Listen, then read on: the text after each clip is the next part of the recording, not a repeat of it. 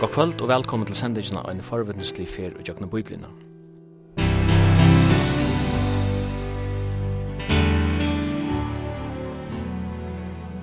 Henda sending er høyre lintene hvert mykje kvöld klokka 19. Og i studion er Simon Absalansen, Jekvan Zakariasen og teknikar er Taurur Paulsen.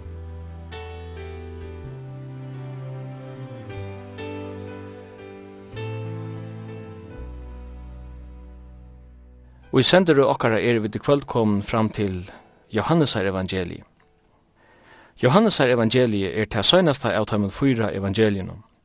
Vi har nevnt at evangelistaner lysa personen Jesus fra imiskun sjånarvinklun, og vi lesa ikkje lunch og Johannes evangeliet arren vi gjeras vero vi, at båskabren og malbønen er halt ørvise enn i hinnun evangelien. Hertil kjemur at Johannes lyser eina ørgrinne av tilboren vi løyvi Jesusar, som ikkje er omtalager og hinun evangelinon. Samståndes er det mennesker tilborer som de synoptiske evangeliene, det vil si Matteus, Markus og Lukas nevna, men som alls ikkje er omtalager og Johannes. Ans og hinner evangelistaner, så nevner Johannes i omgande vi navn. Av ein hatt kunne vi sia at høvendaner gøyma seg atanfyr båskapen. Ein av læresveinen Jesus her verer og Johannes er evangeliet omtalaver som læresveineren som Jesus elskar. Og i nast seinasta ørendi og hesen evangeliet trunner hesen læresveinen fram og sier at det er han og hever skriva hetta og at vittnesbord hans er sannur. Han nevnes i korsen ikkje ved navnet, men og i kyrkjesøveligare tradisjon hever det omgandi veri ivi om at talan er om læresvein Johannes, som æsne skriva i troja brøvnen og i nødja testamentet og oppenberingene. Det er ikke helt løyte vi vita om personen Johannes fra evangelien og apostelsøvn. Han var bodget til apostelen Jakob og gjørdes fyrsta blåvittne i middelen apostlene. Tar var fiskemenn og i byen Betsaida vi Genesarets vattne. Papet tar er Zebedeus, og han var arbeidsgjøver. Familjetara var òsne kjent vid det hagre statene og Jerusalem, og ta kan tog djeva en apenning om at det var sosialt velfyrir. Av tui at lærersvennanir Peter, Andreas og Filip òsne våri ur Betsaida er det vel hoksandi at heser hava kjenst vel, Arren Jesus Nazarearen kalla et høyre av vera lærersvennar. Johannes hørte til tjattnuna og middelen tar tall lærersvennan. Medan Lukas hever granska loiv Jesus her ut fra frasøgnen som han hever kanna, så legger Johannes avherslig av at han er eia vittne til det som han skriver om. Johannes nøyder all oftast faår, og malbønen er tignarlir. Han lyser Kristus Jesus som hin evia son Guds. Johannes byrjar ikkje vi Abraham, enn som Matteus gjer. Johannes fører ikkje nekra attertalve atter til fyrsta menneska, enn som Lukas. Johannes byrjar i opphavet. Ta vær åre logos og åre vær tja gode, og åre vær god. Åre som er Jesus er fra evanon til evanar og til goddommelit. Johannes understryker at Jesus er god. Søgnasta ørende og Johannes evangeliet sier at om alt versk Jesus her skulle være nyskriva, så metti han at allar heimren hei ikkje roma bókunum og ta hadde vi skriva her. Johannes tåsar såstatt om Jesus som en avia og autømande kjelte, og troan Johannes er at lesaren av evangeliet hansara skal få lot og hese kjelte. Ans og ørnen sveimar hakst av öllun fuklun og hefur størsta sjånaringen, så lyser Johannes Jesus Kristus og en avion perspektiv. Johannes nøyder ofta år som etter hetta, dagen etter, tria dagen og så framvegis. Hetta kan geva ein avbending om at tilbúnir er skrivaðir í kronologiska ræfylgi. Tja synoptikarnum Matteus, Markus og Lukas sutja vit at geografiskt minster i Jesus Jesusar. Etter at Jesus var døptur av Johannes døybarnan, var han frøstavur i øyemørsen i fjörde dier. Hetta tidsist hava vir i Judea, det vil si i sikra parten av landen. Men Jesus kom og i kraft andans atter til Galilea, det vil si norra parsten av landen. Og tja synoptikarne virkar han nu bæra ui Galilea, inntil han vende seg mot Jerusalem og Judea, her han skulle loja krossdeia. Men og Johannes evangeli ferast Jesus fløyre fyrir atter og fram og i middelen Galilea og Judea, og fleste tilborner som er nevnt i Johannes evangeli er ur Judea. Geografien er såstatt ein av store månene i middelen Johannes og til synoptiske evangelien. Johannes gjør eina mesterlige løsning av kjensleløyve og kærløyga Jesus er. Sjolver er Johannes læresveineren og Jesus elskar i. Jesus elskar i Martha og Maria og Lazarus. Jesus elskar i sunne egne som i heimen av våre halt til endan. Han græd vi grøv Lazarus er men anki lyser kjensleløv Jesus her så vel, som seinast at tala hans er til læresvannar, og bøn hans er fyrir søgnom, og Johannes seitjan. Hesen kapittel verir stunden røpter høvespresta bøn, Kristus her, og verir av sommun mett er verir til allar heiligasta, og i nødja testament. Johannes er einaste læresvannar vi finna vi kross Kristus her. Han var øysni inni ut i taume grøvene, og sa og tro. Og i søgneste kapitlet søgnen lyser Johannes en av missetne av vøyefer til læresvøgnen av Genesaret vattnen, at han har opprøysen Jesus her. Ta det kom i atra landet stod Jesus fyretøymen. Ta hilde målte saman vi hånda strandene, eude brei og stoktan fisk, og Johannes endar evangeliet sutt her som han byrja i, og i evenlegganen. Jeg vann, man følte som man stender av noen høvun fjallatindi og hever et veldig utsyn i et, et flott panorama. Hva sier du om Johannes evangeliet? ja, jeg, jeg halte at man, man stender nesten mala i surt man leser Johannes. Johannes evangeliet har haft henne utrolig eh, områdende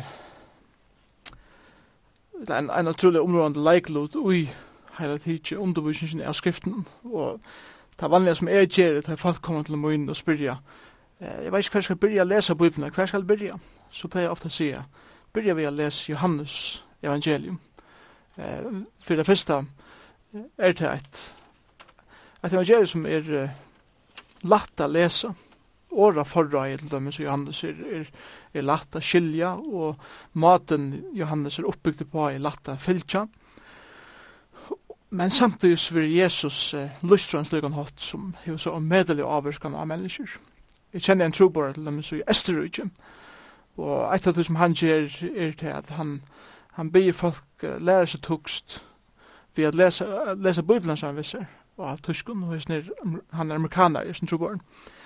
Og han sier til at det er kvarja for jeg så at han, han byrja å lese Johannes evangeliet sammen vi vantrykvande Østerrykeren, så er det omgående kommende for å bo i kjente kapittel, og er en vidkommende er kommet til trygg og herre Jesus.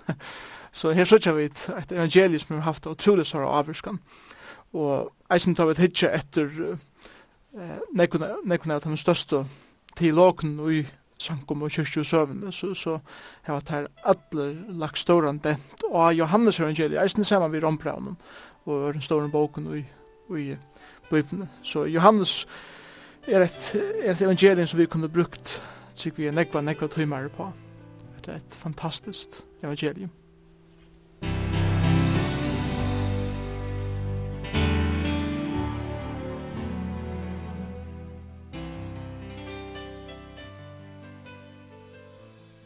De tre fyrste evangelien, Matteus, Markus og Lukas, de lujtjast møyr, etla vi kan si at Johannes er evangeliet, de skiljer seg fullkomlig ut, og oftan sier man om det tror första evangelien det var kallat for det synoptiske evangelien. Ja. Og tar man skriva det var kallat synoptikerne. Hva betyr or. Ja, or synopsis og prøvner jeg merker at heva et felaks sjånar mig. At suttja ein lot fra sama vinkle, eller fra, fra sama sjånar mig. Og tar vi lesa til tru fyrstu evangelien, Matteus, Markus og Lukas, så, så hitja teir at luive jeser, eh, kan man godt sige, nok som jeg fra samme sjånavinkle. Og tar lysa Jesus og en jeg av samme hot. Eh, Kjølt om sjåvande, så er det en jeg som der er, er helt annerledes. Så det det som er så avverst visen til det at vi samanbera de tre første evangeliene, så er det rammande hvordan jeg til lysa støvun. Og, og nekka sannar er eh, versene identisk, år fyrir år, at det opprunalige malen. Så det sier det at, at tar kanskje har brukt kvann annan som kjelde til fer. Akkurat hver han, den, den til så diskusjoner om det. Samtidig så er det nek som er fullkomlige som bryter fra kvar nøren. Og det er spurning som, som uh, bibellærer det er standa vi. At, at her nek som lojtjes, man lykka altså drivner hele andan, som skriver det eisne nek forskjellig som bæra vær nek som tar sjálf skriva og som du ikke finnes fra nøkken nøren. Og, og så lær sikkert et liv jeser fra en fedaksjon av meg. Da vi kommer til Johannes, så er det omlai 90 prosent av tog som Johannes skriver i. Eh, bare nekka som han skriver i. Det er ikke å finne i hinum trimon eh, evangelien. Og tog var Johannes ikke kalla for en synoptikar av tog at han sendte så originaler sjolver. Og jeg tykker at eisne er av tog rent søvlig at Johannes kanskje var den seinaste som skriva i av med fyra evangelisten. Ja, eh, Biblar halda nok at Johannes nok skriva i middelen var 45 og 90 etter Krist, hver hene kanskje var skriva i enn 20 år åren, så kanskje hever Johannes haft hene tru evangeliene, at, at hadla seg til tøyne skriva sutt evangelium, og tøy har han kanskje valgt at konsentrere seg om noen andre områder enn kanskje henne kjørte, og han er så lota negv av tøy som han sjølver hei sammen med Jesus som han fyllt svinen, og særlig kanskje at det sørste vikene hever han særlig lagt denta å skriva eh, om, og eisne å skriva om Jesus, eh, og ljósen av at han er sonogos, han er logos, han er åre, som er evig god, men som kom til gjerder, tog bostad mittel lokkar og så les for han å lysa Jesus som evig songods. Han var jo en av lærersvenn Jesus her til vidt av vidt, og han kan mulig ha vært tannarenger, gossus er her vært unger. Vi vet gossus er at han rann kjødare enn Peter. Men man sier at det var ikke halvtrush til trush er fra tog jeg tilbordene færa fram som han sjálf har uppleva inntil han skriva det nir og um, vi tog løvsvisdom som kom at han halvtrush til trush er, så hever han kanskje sitte og lukka som etterrationalisera det som han har uppleva og det kan også avvarska det som han skriver Ja, sjálfan gjør det Jeg heldur det avverst av et hitje etter hvordan Johannes var lustur at han av Jesus kallet så, så, och så ser det her, og samarbeid her vi lømmes, nu till en skriver som er gammel maver, til en skriver Johannes Evangelium, man kan skal være uten å år gammel, og eisne til tru bröven i åpenberingsene. Så så är det en man som er myndaver av hånd Kristus som han er fyllst vinen, og så sjå han det at løyve, hever mynda han saman ved Jesus.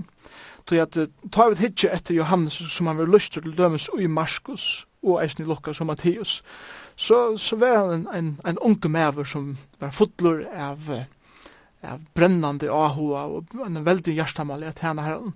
Men han måtte myndast, til jeg kjenner ikke om dømer. Eh, og i Marskos nudje, vers 38, Sucha vi at Johannes vil lustur som ein som er, er nok så, kan man godt si, konservativ, eller stutt skikter, Og, og det er i sambandet vi at Jesus uh, hever, hever sendt her ute at, at predika og tar få valgt at, at reka ut eller andar. Men så sier Johannes i uh, Markus 9.38 såleis. Johannes sier vi han til Jesus, Mestare, vi så ein som ikkje er i fylgje vi okkon reka ut eller andar i navnet sinum og vi nokta av honom til av at han følte seg ikke vi okkom.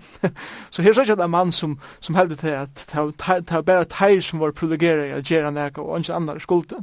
Så her er ikke en, kanskje en, en mann som er sinne konservativ og, og ikke vil en, en nek annar skal gjerra nek som han er finnes at er Hatt Hadde ganske partiandan som kommer inn? ja, men ja.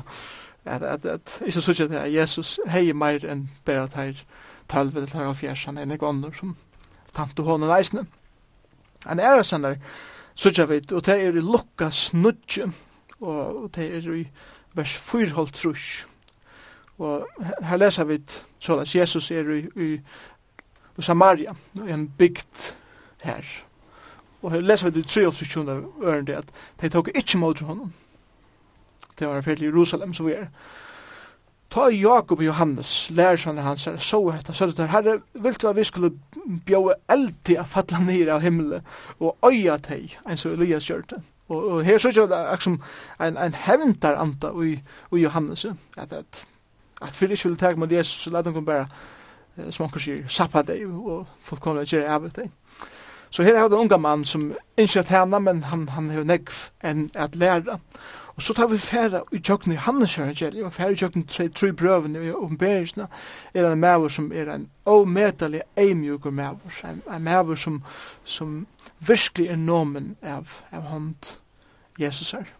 Og, og, og det er fantastisk å sutja hvordan Herren har mynda henne mannen. Og sjølvande tog er hans herre skriv i hotter, negv avskar er hos en trus og æren, og siden han ble kallar til han sess nyr a skriva. Og, og jeg hadde det godt at han boi egentlig var en gammal a skriva eh, sunne erfaringar, sier vi jes. Og um, vi lesa om at uh, Jakob, Bøtje Johannes, og Johannes Kjolur, tar finke navnet Tore syner fra Jesus. Eh, det kan ha haft nega vi temperamentet i å gjøre. Ja, jeg hadde det til pura at jeg til at ofta var nøvn given i hessen kulturen etter temperamentet og eisne anker etter eh, familie av og så vore men jeg var nevnt til tåre sinner til trygg vi at det hever lust eh, en, en, en, en øylig entusiasme til noen unge mannen som er om å breste av av tærnas og hu og så vidare. Det er ikke bare snakka negativt ut, men bare nekka en energi som Herren så valgte jeg styra og beina den rette veien. Det kan også være en energi som kjøtt kan, kan uttrykke seg i irritasjon, som til dømes i samband med at her blir Jesus som at det er eldfattla nir og er lett jo enn av samverska bygd. Ja, helt sikkert. Og, og eisen er det her at, at, at her skulle få vi leser æresan at her, her yngste av få henne, henne ratten hver skulle sida vi, vi for jeg sui av Jesu i, i, i rysen og jeg hadde vist å lysen av foreldrene det, det var foreldrene som, som spurte om det.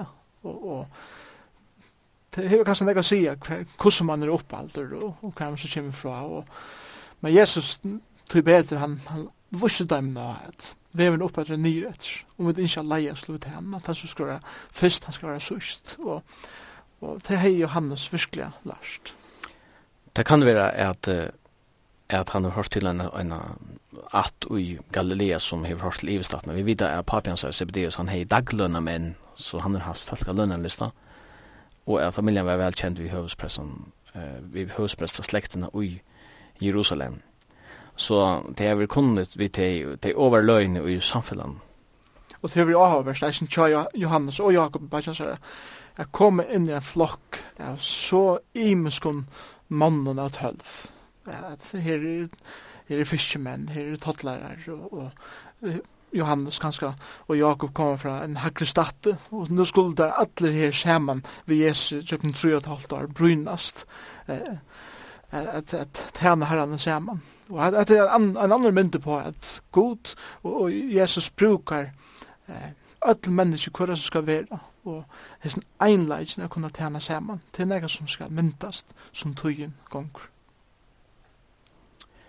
Evangelien forteller okkur akkurat hos uh, han vil kallaver er at Jesus kommer fram vi og han kallar tvare lærersvinnar Jakob og Johannes og sier vi tar fylgje mer og tar fyrir at han og hon fylgje hon og lade fægir sin være etter og i baden hon saman vi daglunarmån Han har viskar veldig framlitt det for og råpa der og sted. Ja. Kanskje heva at her men kan hørst Jesus tala. Det vet man ikkje.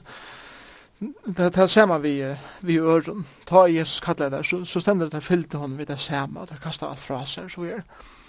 Og det, det kan si okkur at at jeg har lust til ofte til Jesus, og nu var det akkur som tøyen kommer så at det kan jeg avgjør, og her velger det så at jeg følger. Johannes sier selv at her, her spurt om, om det kunne komme vi Jesus her som han som han bor, og, og, og han sier at vi var her lykket til den tøysen og tøyman, og det er akkurat som han ser det tøyer, og akkurat som han, han sier vi og her at at, at jeg ikke tror at tøyen kjekk så kjøtt vi var sammen vi den første dagen, og, og knappt ble arvist jeg, og så klokkan ble en ekv, og, og fra tøy det valgte der så at Fylg for Jesus.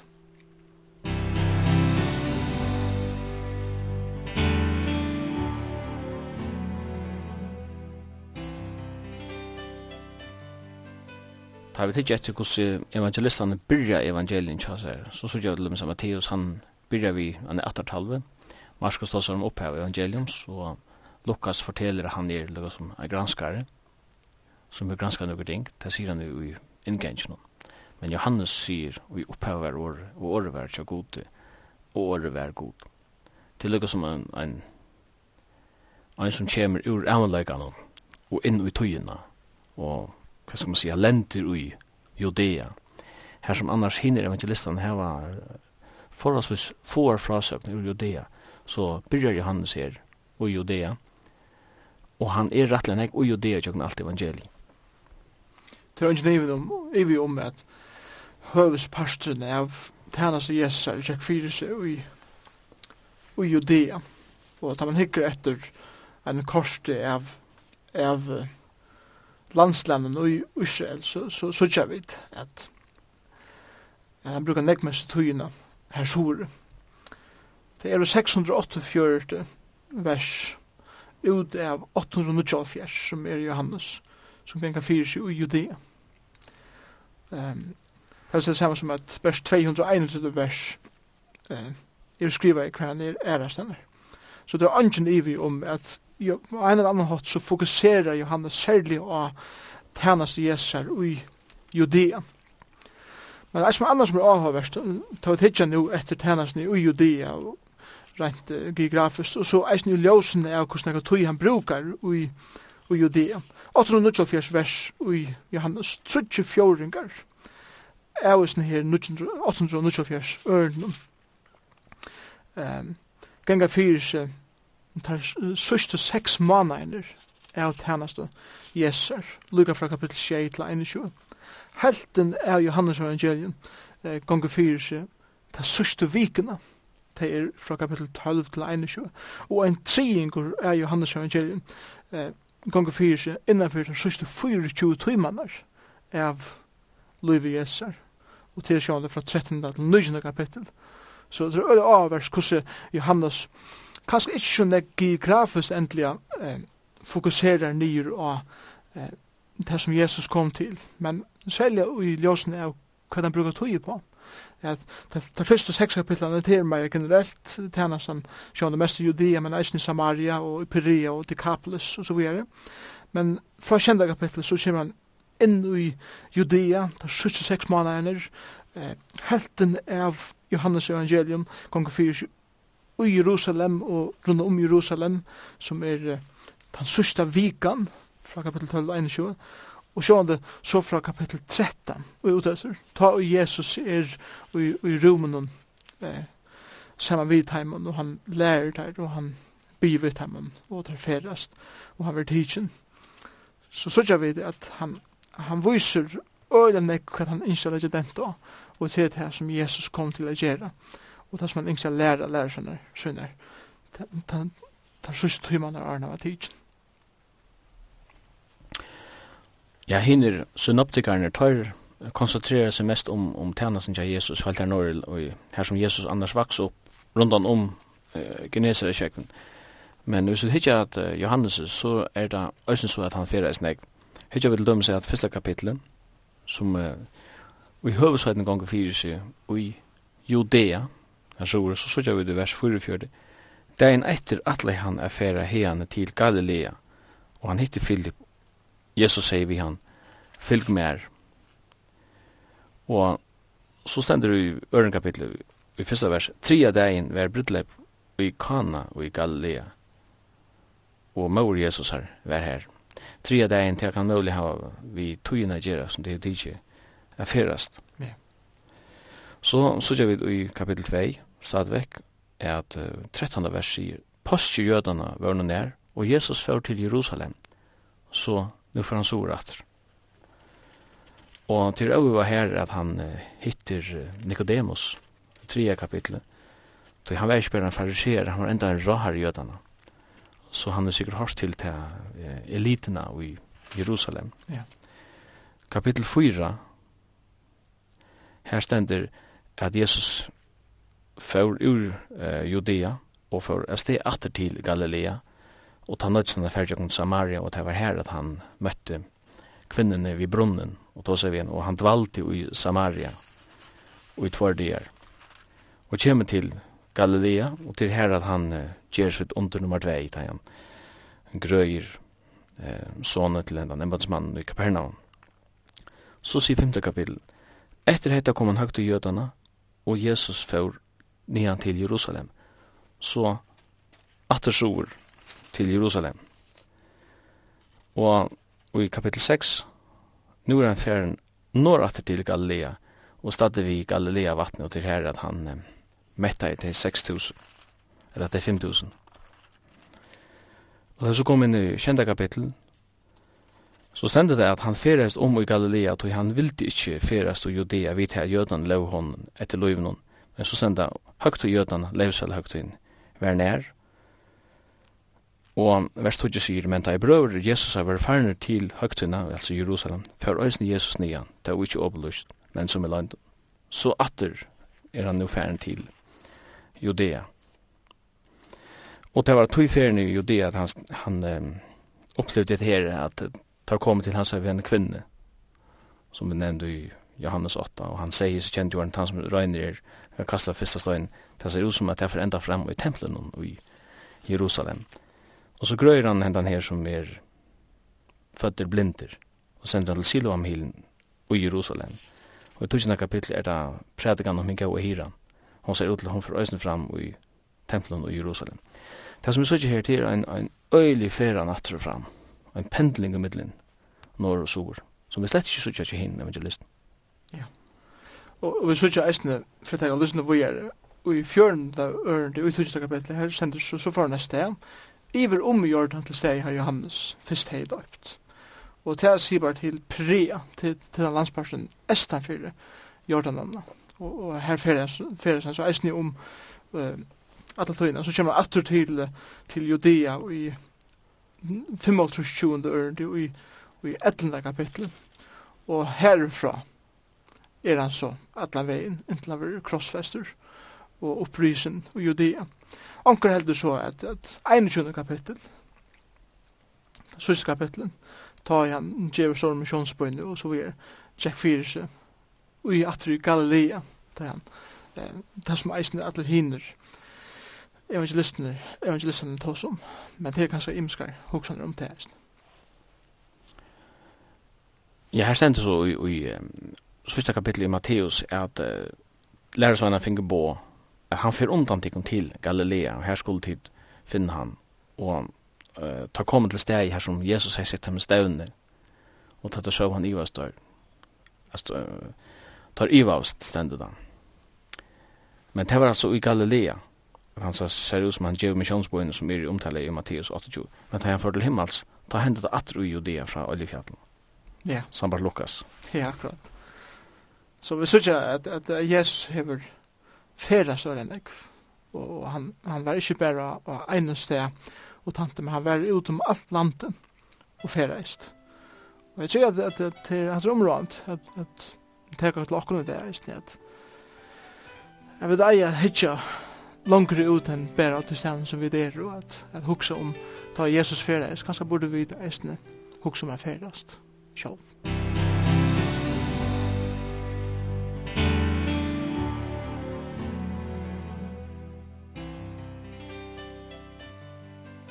Jeg har en spørning. hvordan vil du dalt Johannes evangeliet opp? Ja. Jeg pleier å sørge kapittel 1 fra vers 1 til 18 som en inngang. Ja hver han introducerar året som gods. Og fra 19. ørende i første kapittel, alle veien til halvt 37. ørende i 12. kapittel, eh, vil jeg give titelen Allmenna tænasta Jesus er. Og til akkurat tænastan utetter til, til heimen. Så gjerne fra 13. til 16. kapittel hei jeg kallar for privata tænasta Jesus er og til akkur som tænastan og læran til sin egnu her han lærer lærersvennar og 18. og 19. kapittel er sjående lujing, deie og oppreist Jesus er og så 20. og 21. kapittel kan man godt kalla fyrir endan av bókinu, hver han viser for lærersvennen og sende der ut at kunngjøre det som tar hava vittna, hvis nek nei. Johannes han legger dent av at han hever, han hever se het her som han skriver om. Han er fyrsta hans vittne og vittnesbor hans er er sannet. Det ser ut som det ligger en øyla tungt av hjertet at legger dent av at han er et egna vittne til det som fyrir fram. Ja. Jeg tykker at, at Johannes ser tøytningene av at, jeg få etter vujare som han har uppleva og han vil ikkje halda det for seg sjálvan.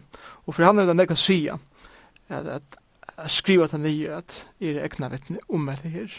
Tog at uh, ønske er meira avløydande enn eit egna vittne som har seta vi sin egna eion men ikkje bæra det eisen eit egna vittne som hever liva saman vi tog som han gjør vittnesbund om tjokken lenga tog Og det er ikke bare nekket man vil se i man kan godt si, som en utanfyr standard som hikker inn i nega, men han er en som er innanfyr standard som hikker etter situasjonen rundt om seg og kommunikerer det så er ute etter.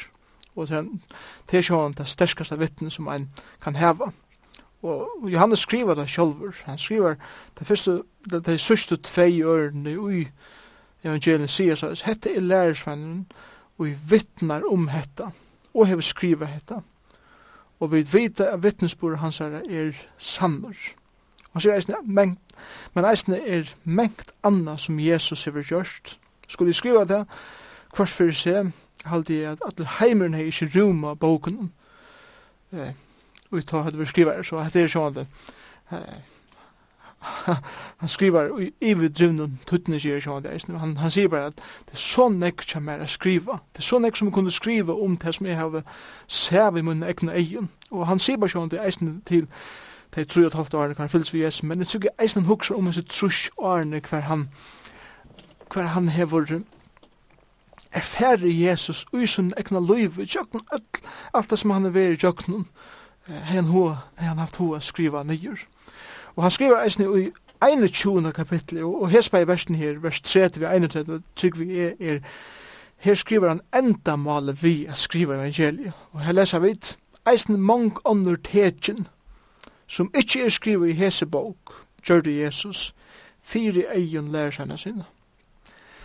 Men hese er skriva etter, hese tekene, hese vittnesbyrd skriva, fire at de skulle tryggva er at Jesus er Kristus, sonur Guds og fyrir at hit vi at tryggva skulle hava evet liv i navn hans her. Så, så heter det akkurat som han sier her at, at jeg skriver ikke bare nega nyer her for at lota en, en oppliving som jeg har haft. Det, det kan enig for å gjøre. Men jeg har vi hjärsta mål, jeg brenner vi noen her, for jeg peker deg nå at han som er vittne om, er ikke enig for. Han er sånne gods, er det Jesus Kristus, og, og fyrir at hei som, hei som langt hei sett sitt alle det han kunne eh, sutja enda meir hver han vær og få en enda, enda større kvult i hver han vær og hva han gjør det men eisne fyrir at hei som enda ikke har sett sitt alle og herre Jesus Kristus skulle tryggva heisen her og så såleis komme i um fra deg til liv komme fra myskru, inn i ljøse og såleis være bjerga i fra en evig fortabes Hvis nu en, en søvegranskar for å lese Johans Argel, og han ikke leser i jøkken hese brillene, vi har som grunn hukkbord, jeg heter Guds år, og heter satt, men han leser det som en søvelig kjeldig, og vi tar den kritiske brillene, og, og på den kritiske maten som han granskar en søvelig kjeldig, hever han, så ser fra en vusundalin kjønner vi, nekka grunn til å trykke på at det som han leser er satt. Jeg vil sagt det, absolutt. For det første er jo öll de søvelige støyene som nevnte er, de er å finne.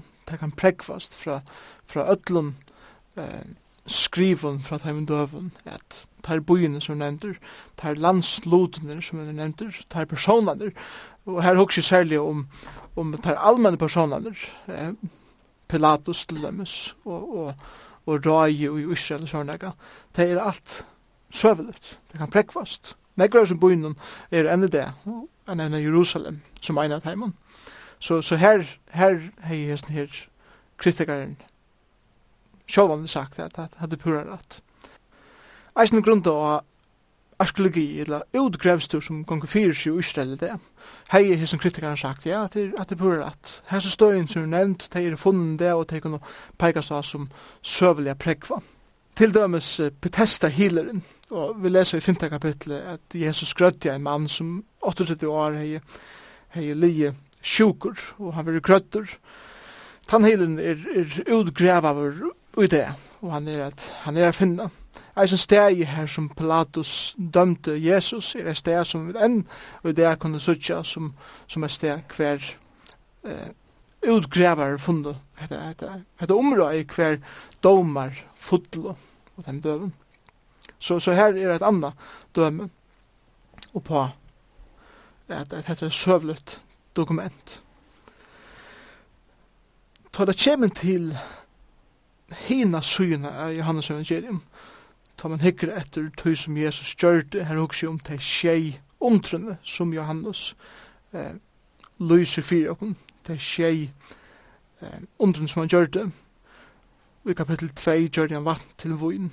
Og i kapittel 4 her, her Her grødde han en ungan drong, og i kapittel 5 her grødde han enda mannen vi betesta hilen, og i kapittel 6 her, her mette han 5000 folk, og i samme kapittel her, her høtte han stormen, og det var blika lågen, i kapittel 9 grøyra mannen som var, som var føtter blindur, og i kapittel 11 her, her reiser han Lazarus upp fra hinnen deio.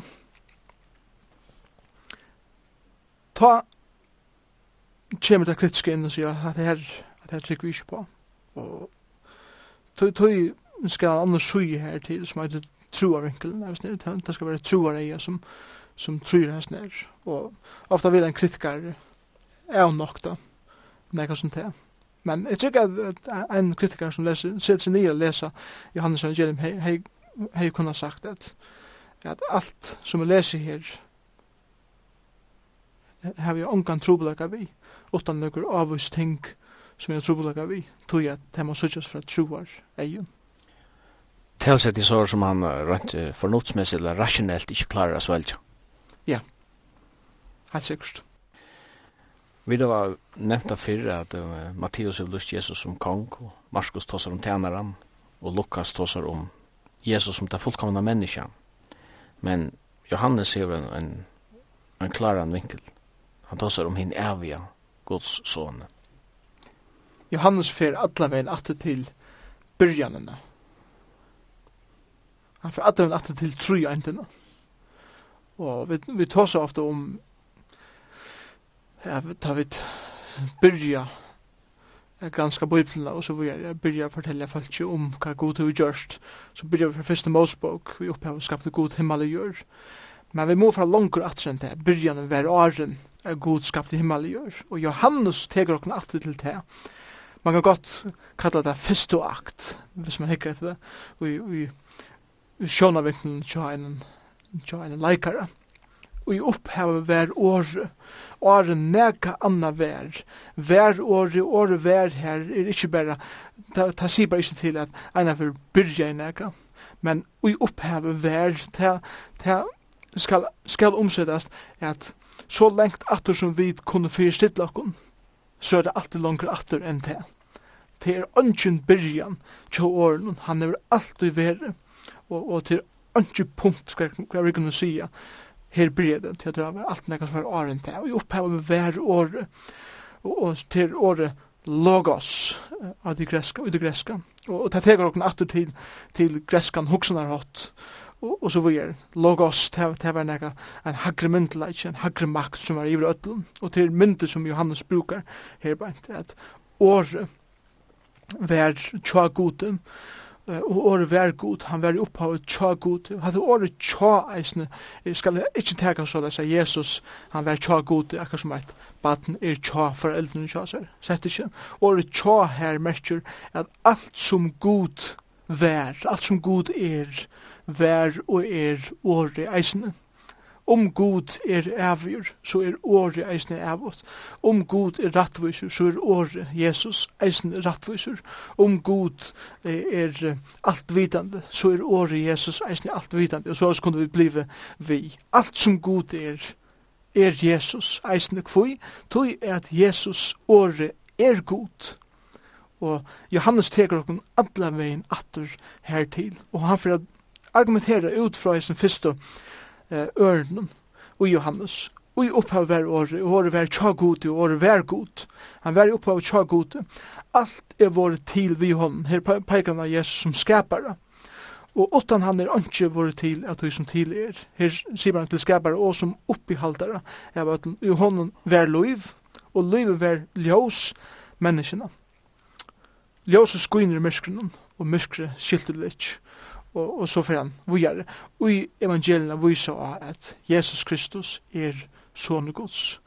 Og her er nekv år som han nevner her bant, langt fra byrjan av, som lysa hvor Jesus er, til dømes. Året loiv vil endet ikke atter og atter og atter og i evangelium. Og det vil sett i samband vi, eller i kontrast vi deia, fyrir yfir umfra deia til liv Så her er tvær kontraster. En annan kontraster i Johannes evangelien er ljós og myskur. Han var ljós menneskene, ljós og skuiner i myskrunum. Og, og så er det sånn at nekv dømer. Et annan dømer jo på myskur og ljós i Johannes evangelien er lømmes tre kapittel. At, at Nicodemus kom til Jesus om natt. Det var myrskur, og, og det passar, han kom i natt Men han, jeg tykker Johannes lyser eisen her, men støvende kjønn Nicodemus sjolvun, at han var i myrskunnen, og han kom til ljøse, og som var som Jesus Kristus. Og nekve kontraster her, og han viser ut som Jesus gjør det, og ut som han sier, at hette er året, hette er han som er fra evne av, som er kommet inn i tøyene, inn i en søvlig situasjon, inn i sånne egen skapan, for at veita menneskjen frelse, og for å vise at han er han som kan gjeva menneskjen frelse. Hette er det som Johannes argumenterer for i sånne evangeliet.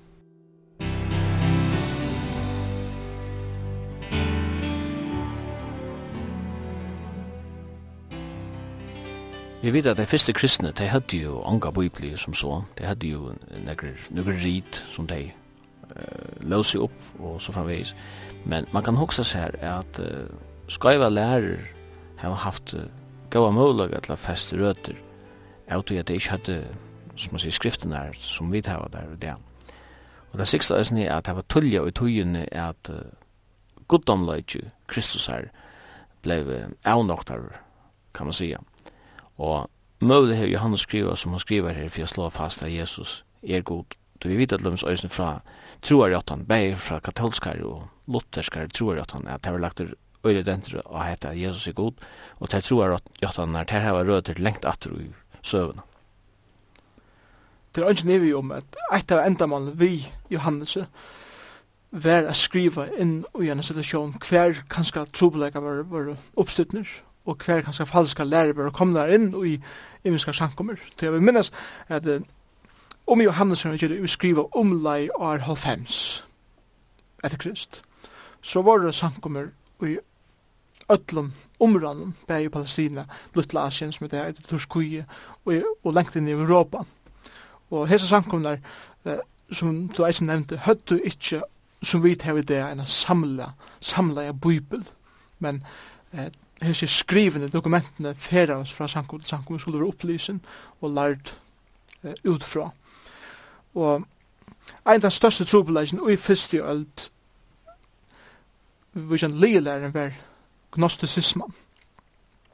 Og gnosticismen jo kjent ølen ekkur imiskar eh, søyer og, og vi det stod at hos hundas nek her til at det er så øyla størst evne men i i heistutton så, så sier gnosticismen til at, at vet er i en fengehus i okra likamme, og vi må strujas for at løysast urusen, urusen likamme for å være sett fri. Men for å teka enda langer inn ut her, så, så var det så at, at god, at han opprunalige godren, var en god god, men den god som var i gamla testamentet, var lærst, var en god som breit fra til opprunalige goden, og som var en undergod, som gav bo om at drepa og slakta og så videre.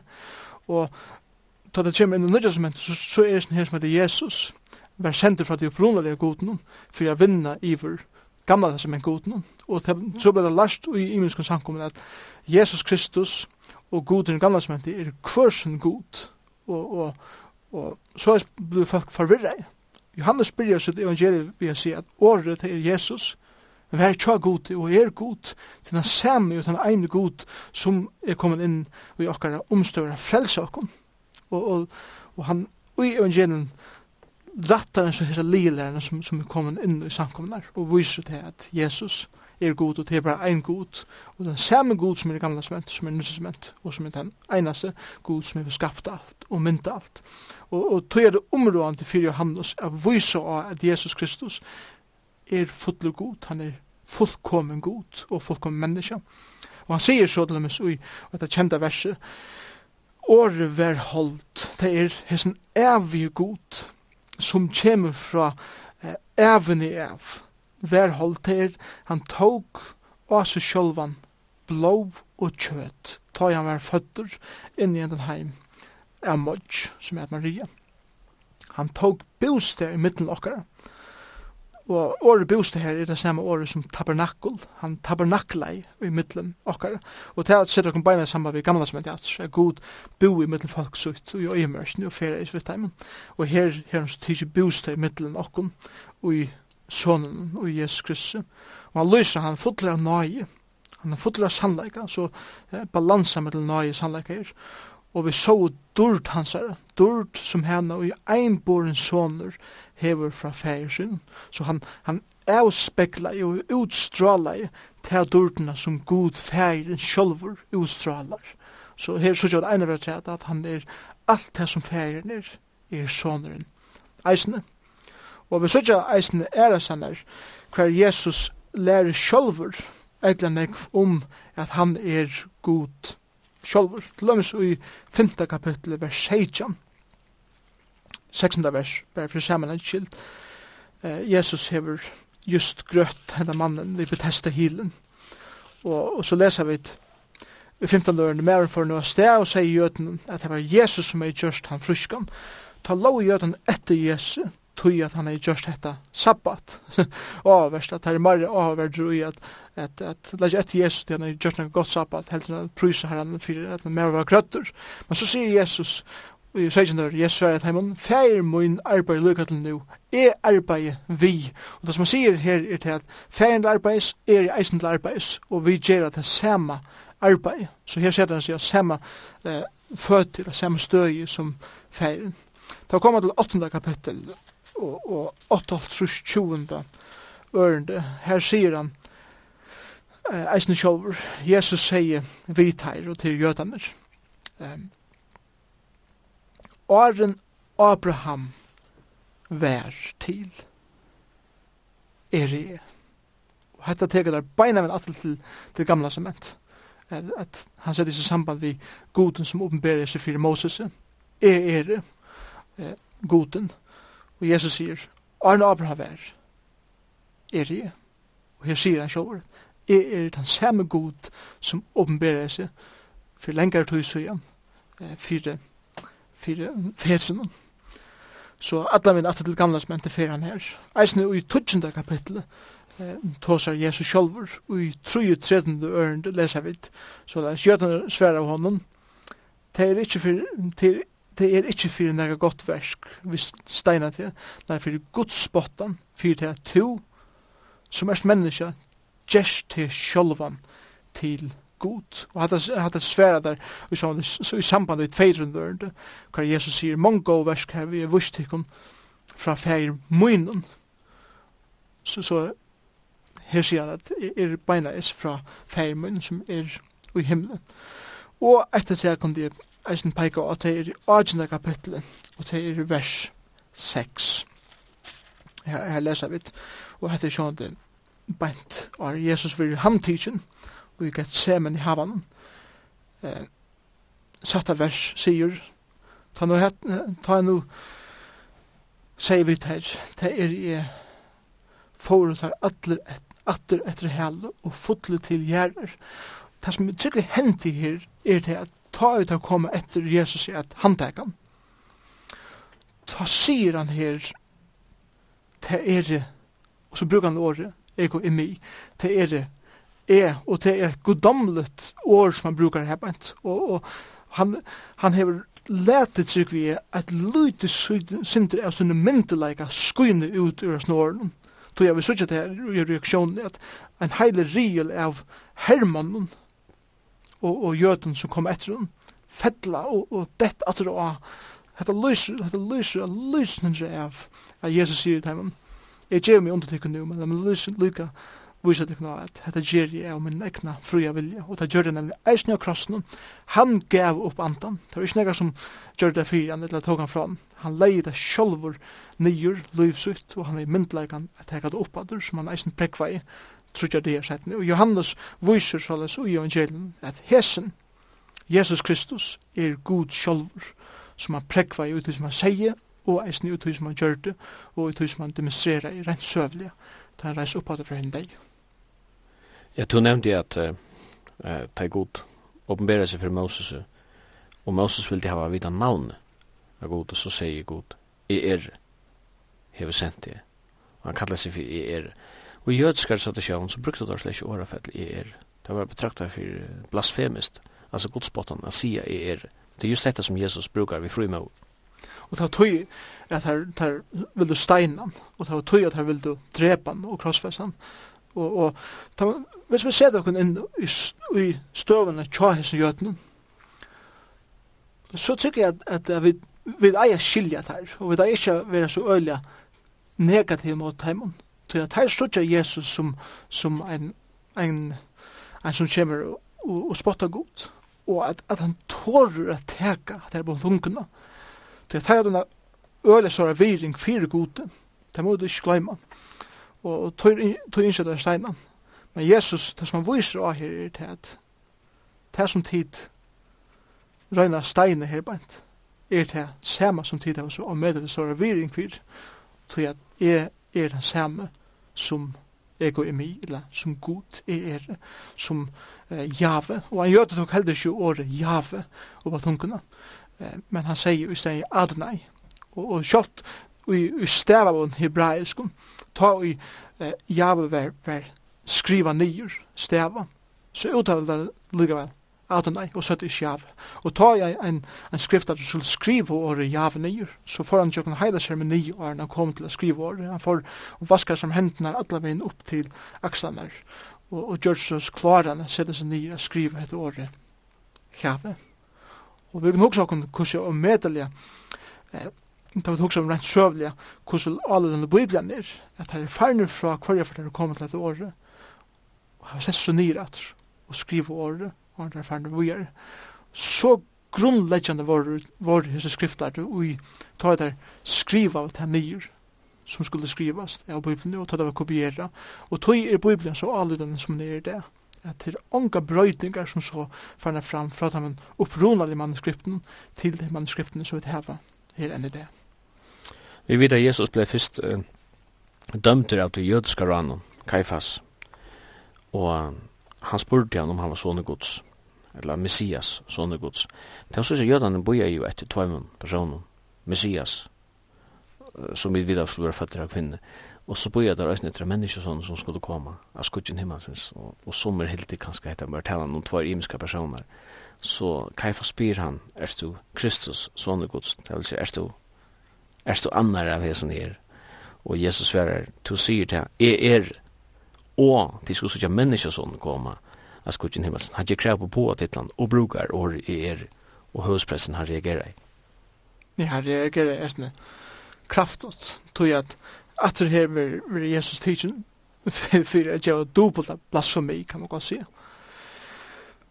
Men det som er så underfullt ui uttog, og som eisen vi gamla som henti hei vust om, men på en eller annan måte var det her blinde for uttog, at hesen personer Messias, som skulle komme og være født av kvinne, er den samme og ene personen som eisen skulle komme av skutjen himmelsens og, og, og gjøre enda at det er sint og frelse alt som har sett seg alle det han.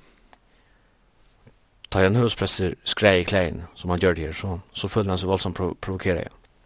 Jeg skrei i klein i sementene. Det var et symbol på at ein kan ikke fære langer enn han er ferien her og ta i høvespersonen gjør det, så, så, så var det tegjende på at hette den grovaste blasfemien som kan eh, gjerast, og som nega menneska kan bere av sinne varrun, og, og tog var det reaksjonen vær så og medelig kraftig her til høvespressen. Ein av lærersvann Jesus er som vi kallar over i fyrsta kapitlet, og som vi øysen sutja ui, så eneste kapitlet, han kallas for Nathanael, og det er tidsi som han er vi ein av de tølv lærersvennen. Men eh, ta i navnen at de tal vil given i hinen evangelien, så finner vi det ikke til navn. Og så må vi mene at det er den samme personen som er kallet for Bartolomeus og i hinen evangelien. Men det var ikke avvanlig vi hessen at en person kunne ha imisk navn. Nei, det, det, det var ikke avvanligt. Og jeg tror at, at han hoksan at Nathanael og Bartolomeus var en og samme personer kan, kan vel hoksast. Peter har jo eisne tvei navn. Simon og Peter og, og, og Markus uh, hei eisen imisnøvn, vi kallar han for Johannes og eisen eh, Markus. Matteus var kallar for Levi, så, så det er ikke underlig at han er her eisen for et annet navn. Og han var kallar i, i fyrsta kapitlet her av Jesu. Og han hoksar eh, ta han høyrer hvor Jesus var, hvor han kom fra, om det kan godt kan komme ur, ur Nazaret, her norr. Og Filip er han som kom at hitja, og Jesus sier at han kom til Søyna og sier, hikk, hette er sannlig ursesmæver som ikkje er svik og til tuttningen av Nathanael. Hvem kommer til å spyrir som Nathanael? Jesus sverre han Arjen, eller hvem kjenner til meg? Spyr Nathanael, Jesus sverre han Arden fyrer opp til så et her medan to varst under fikutjan. Her så gjør at en for at sæta løsender av hver Jesus er, at han ser alt, han veit alt. Og hetta hetta gjer til at Nathanael, han, han sverar rabbi, du er son og gods, du er konger Israel. Og her verur hesen, hesen maveren, Nathanael, en fullkomlig ombrøyte maver etter en, en egna brakt, brakt, tog han den nomen av hånd Jesus er, og han vil så nevnt reisen til seinast her i i evangelien, i det seneste kapitlen. Og her, her så gjør det hvordan Jesus atter kallar en annan mann, jeg fylgja seg etter, og gjør henne i sin annan navn. Et annan som vi så gjør i Johannes evangeliet, det er at uh, Jesus er ikke bare opptidsen av fjeldunnen, han er rettelig ikke opptidsen av til ønstakka menneskene. Og i tre kapitlet kommer åkeren midt av natt og vidtjer han. Så han har grøy av noen spurninger til altså Nicodemus. Mm Men hessen teologeren, han, han, han skiler ikke.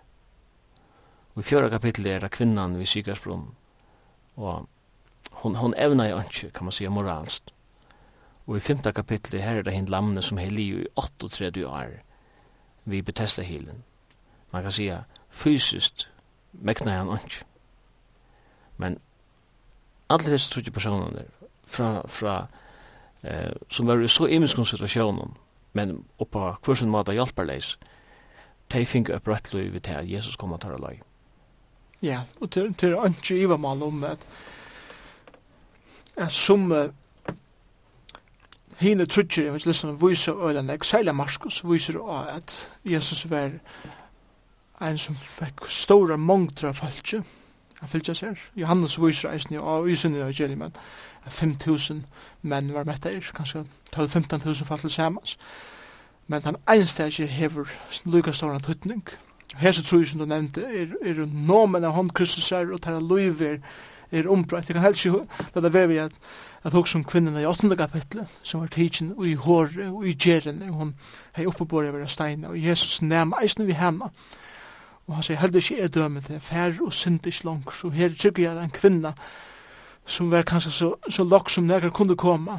Hun er ferdig å se at det fra Jesus her fullkomlig ombrøyt. Jeg husker meg som at Anna, en annan person som Jesus eh, elskar i og, og, og nevnvi, og det var Peter, Peter apostelen.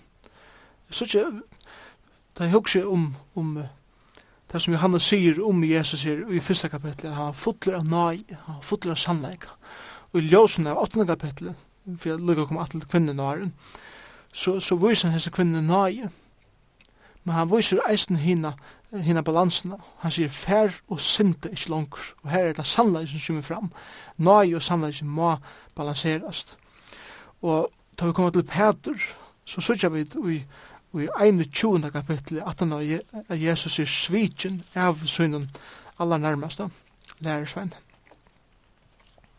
Han er avnokten, Og ta Jesus risen upp, så gjør han morgenmeld ved sondna en dag, tar fiska, og Peter, da han ser at Jesus, han løyper av blaman, og han røyner a svimje inn, og ta der her etter morgenmeld saman, så er det akkur som Jesus hedler seg i til Peter, og han har kanskje haft alla grunda a sagt til Peter, Peter, du er og bruklig, man kjøy, jeg gjer meg, du er nok det med, men det er ikke det som Jesus gjer, han gjever Peter her i sinne nøye, en møvleika at sæt.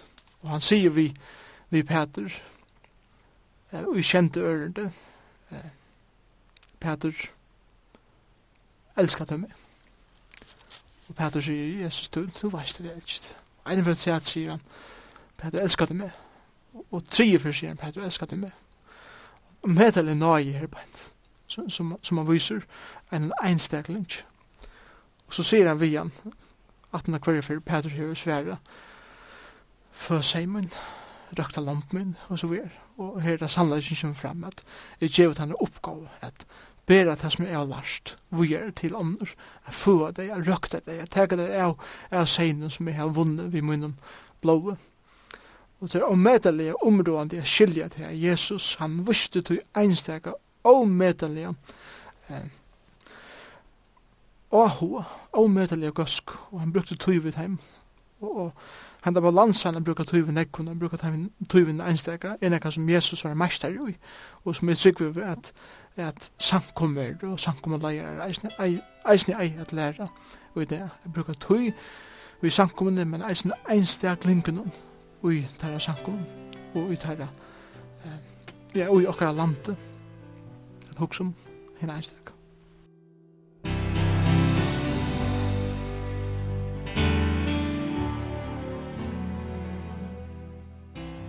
Hvis vi hittar at synoptikaren, så sykja vi det Lukas er han som tåsa mest om hele andan, at han tre mot i evangelisten. Men han tåsa nekk om andan som en kjelte til, til kraft og en kjelte til glede.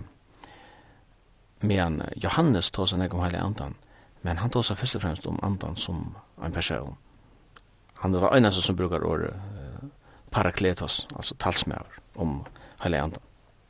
Ja. Yeah allan vegin i jøgnun Johannes evangelium hefur anden en utrolig stor leiklut og i løyve Jesus her og eisne som vi kommer sutja i luivi hins tryggvand. Lukka fra byrjan fra fyrsta kapittel sutja vi at at Jesus er døptur og vi leser i 32. ørende i kapittel 1 uh, Johannes vittnar her beint at han er Jesus døptur og han sier jeg har se andan og han sier han til heilig andan dela nyer av himmelen som du og han var verande iver hon. Så her så vi eh, hvordan permanentor anten er. At han kjemur og han vil verande iver Jesus herbant. Og, og vi leser vujare og, vi tror jo tretende verande. Jeg kjente han ikke, men han som sendte meg av døype vattnet, sier vi meg, han som du sørst andan dela nyer iver og være verande iver, er han som døyper ui heilandan. Og, og det som Johannes sier her, er det han døyper som er her, er en vattendøyper, som, som er tegene på omvendigar eh, døypen, omvendig fra sint. Men han, han døyper som Jesus skal døypa vi, er døyper heilandans, det er at Hette er en doper som skal brøyda mennesker utanfra, som skal frelsa mennesker, som skal føre mennesker fra deia til lov fra myskre, inn i ljøse. Vi leser i tredje kapitlet i Johannes. Ta i Nicodemus kjemur til Jesus og nått. Så, så åpenberer Jesus fyr honom at, at en må være føtter av nudgen. Det er at en må være føtter fra, ein man var fødder av andan fyrir at skilja hver god er og hva det er som han utgjør. Så han løyser andan her, men det er åttendøren, at vinteren blæser her han vil, og du høyrer so i av men du veist hver han kommer, og du veist helst hver han fer, så er det eisne vi andagods. Andagods er outudrokkelig som, som så at du kanst ikke styre, du kanst ikke handfære andan som du vil til. Han er han som ræver hver han kommer, hver han fer, hver han gjør, hvordan han gjør det, og hvem han gjør det vi. Anki, anki menneska kan styra andan, andan er han som styrer menneskene. Og, og det, som Johan, det som Johannes sier her i jøknen, det som Jesus sier er det at anden her er, er god sjolvor som hever alla myndelaga gjerra det som han vil. Av samme støy som vi feiren og vi sonen, så er det andan eisne fullkomna god. Og heter et, et argument fyrir tru andan. Sættene, i hessen samme kapittel leser vi atter om andan i 34. ørende. Eh, tog han sier, tui han som god hever sendt, talar or gods. God djever ikkje andan etter male, og, og han tåsar her om, om heile andan, at han, han djever heile andan frutt til all. Tu sier bare til, til Parakleitos, eller parakleiton, talsmannen som, som Jesus lovar skal komme etter han. Og dette, dette er så ut av den 17 kapitlen, da han sier at er færre, men en annan kommer etter med. Og her sier han så til, eh, til heile andan. Året parakleiton taler om heile andan som en personlig andan en person. Heile andan er personer som Jesus er sin personer. Og hette åri er omsett her talsmæver, en som, en som stender inn fyrir en annan, kan man godt sija.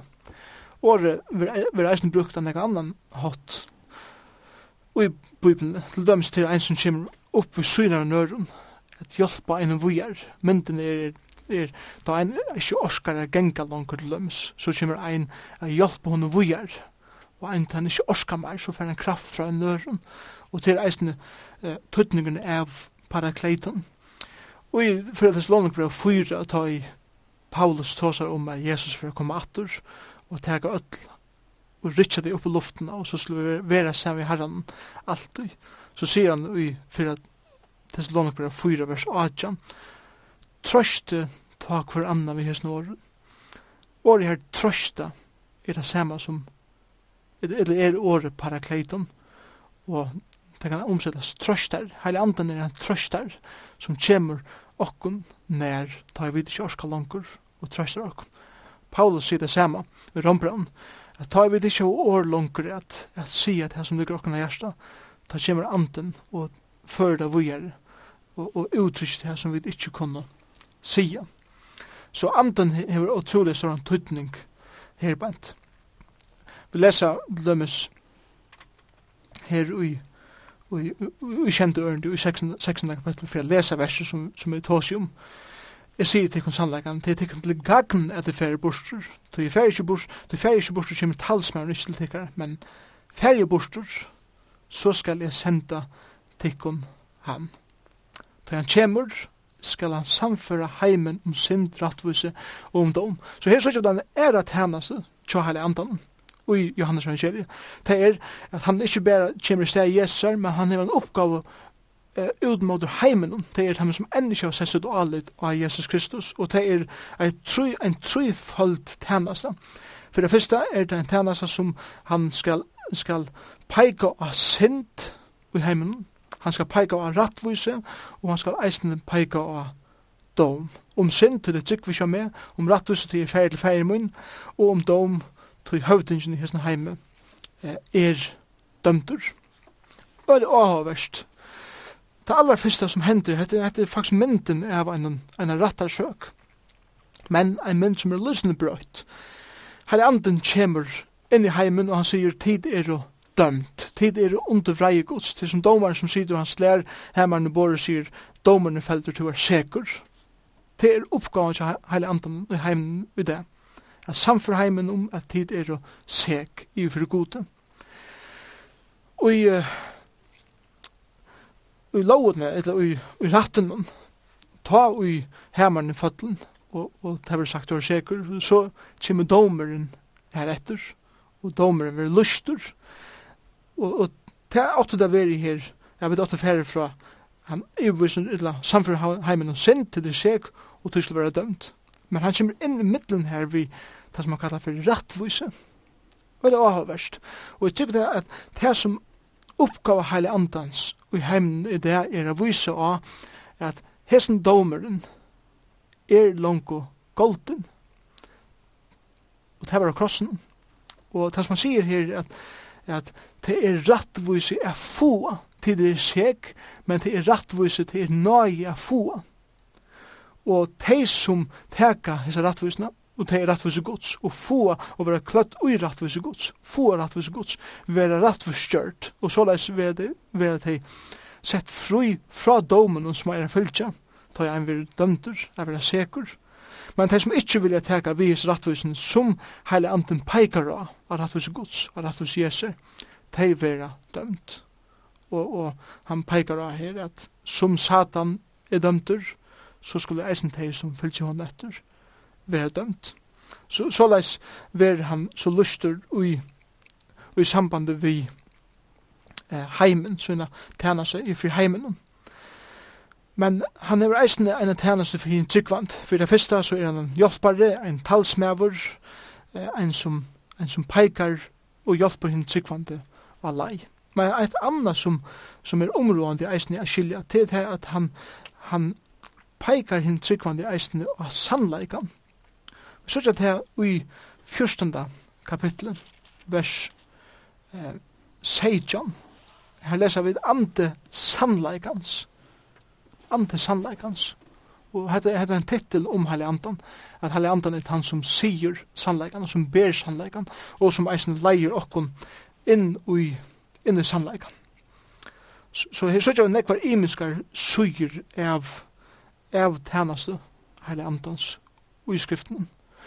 Og Jesus sier eisne at, at han skal kunnkjera tikkun, til som nekka beri på, til skillis det som jeg har sagt enn, men ta i andre kjemur skal han, han skal minna tikkun og alt som jeg har lært, han skal gjera som til skilja det som jeg har lært, og han skal åpenbera fyrir tikkun nekka nøyt. Og det som Jesus sier her til at, at det som jeg har lært tikkun i 3,5 årene, skal heile anden åpenbera fyrir tikkun som til skilja det verilige.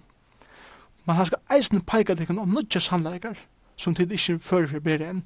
Og jeg tykker at her sier han til at det som er skriva i nødja testament, var en ombering som heilig anden gav til skriva, grunn av det som Jesus lærte, så leis at öll brøvene, alt det som er skriva i nødja testament er innblåst av heilig anden til heilig anden, han som er ombera skrivaren til som skrivast skulde.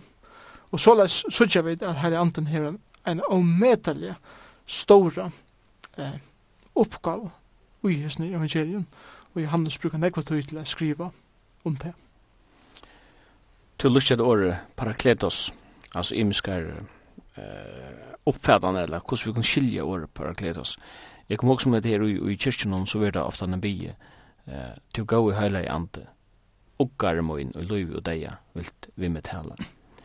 Okkare det må passa vel til tutningen av åren parakletos. Ja, jeg hadde at det er godt, godt år av føreskund, Akkurat fyrir at det var parakleton eller parakletos. En som ukkar, en som, en som kommer til nær, som syrker, som ikke orskar meir, og, og lytter han opp, og hjelper han vågjør. Det kan nesten minne okkur at det apostoliske helsen tja, i 17. 13, 13, eh, som vi kjenner under oss nere, nei, herre, akkurat Jesu Krist, kærlighet, og samfella hela andas. Alltså samfella vi parakletos vi är vittig kunnat Det är avvärst Hebreerbrevet brukar det samma ord i hessen nu vikant um, Djevus ikkje vi at amen hver annan. Allt som vi sutja det er narskast at Kristus fyrir kommer atter og han tåsar her imot Djevus ikkje kommer saman og allt det som han tåsar om her.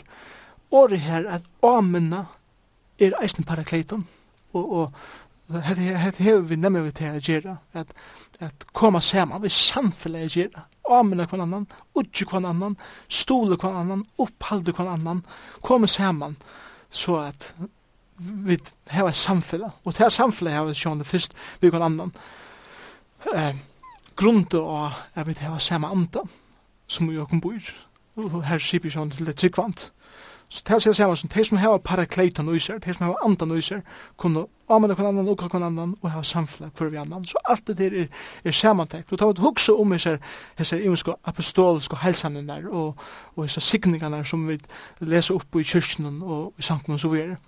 Så er det her ekvelia vel tjøkken hugsa er. Og, og hessar, hessar imensko troar som vi skriver, er ekvelia vel hugsa er, og nye skriver grunda av året Og, og tog er det godt, halde jeg, en nekvar som sikningar som, som prester og andre lesa, at det var listnar, tog at det er så omedelig vel grunda er, og det som året lærer. Du nevnte, Johanni, at uh, en tringar av Johannes evangeliet uh, fevner faktisk om uh, ett døgn. Altså det er tilbord som fer fram innanfor 24 timer. Her med landa hever Jesus en tale til lærersvennerne. Han sa nesten rød han hei og æren han løy, hon spenner iver, eller fevner i trutja kapitlar, og han endar i 16 kapitlet vi at bia enn høvdsprestabøen, og vi tar nomen vi parstar av tog som Jesus hever viser til med landa om heilig andan. Men det er akkurat som, da man leser disse kapitlene, og særlig at man så leser bønene, er at man ser, hva skal man si, døpten er i Jesus Kristi person. Det er ingen evig om det. og jeg tror at det er sørste tala Jesus er en dør.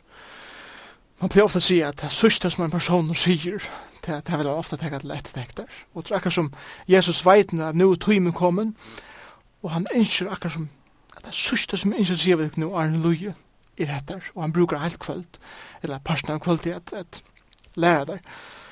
Og han gjør det mesterlig, og, og han gjør det ved å vise hva det verlig er som han virkelig brenner for at han skulle læra. Og Og tog byrjar han vi at bodja seg nyer og gjera en at tæna seg gjer som ungen andar av hei gjørst. Og til til at han fyrir vaska lærersvann om føtene at det er kvölden som det skjedde seg nyer at heva påska høgsina saman. Det er avverst da man hygger etter rent kronologist og i ljósna utan fyrir fyra evangelien så heva lærersvannar just akkurat sjelda som hver skal være hakstur og i rujtjennom, det er rujtjen for grunta. Og nå fer det så beint inn til måltina, og det er akkurat som det er fer og, og, og tråkan de inn og sedas nyr og hver skal sidas nærmast vi Jesus og så videre.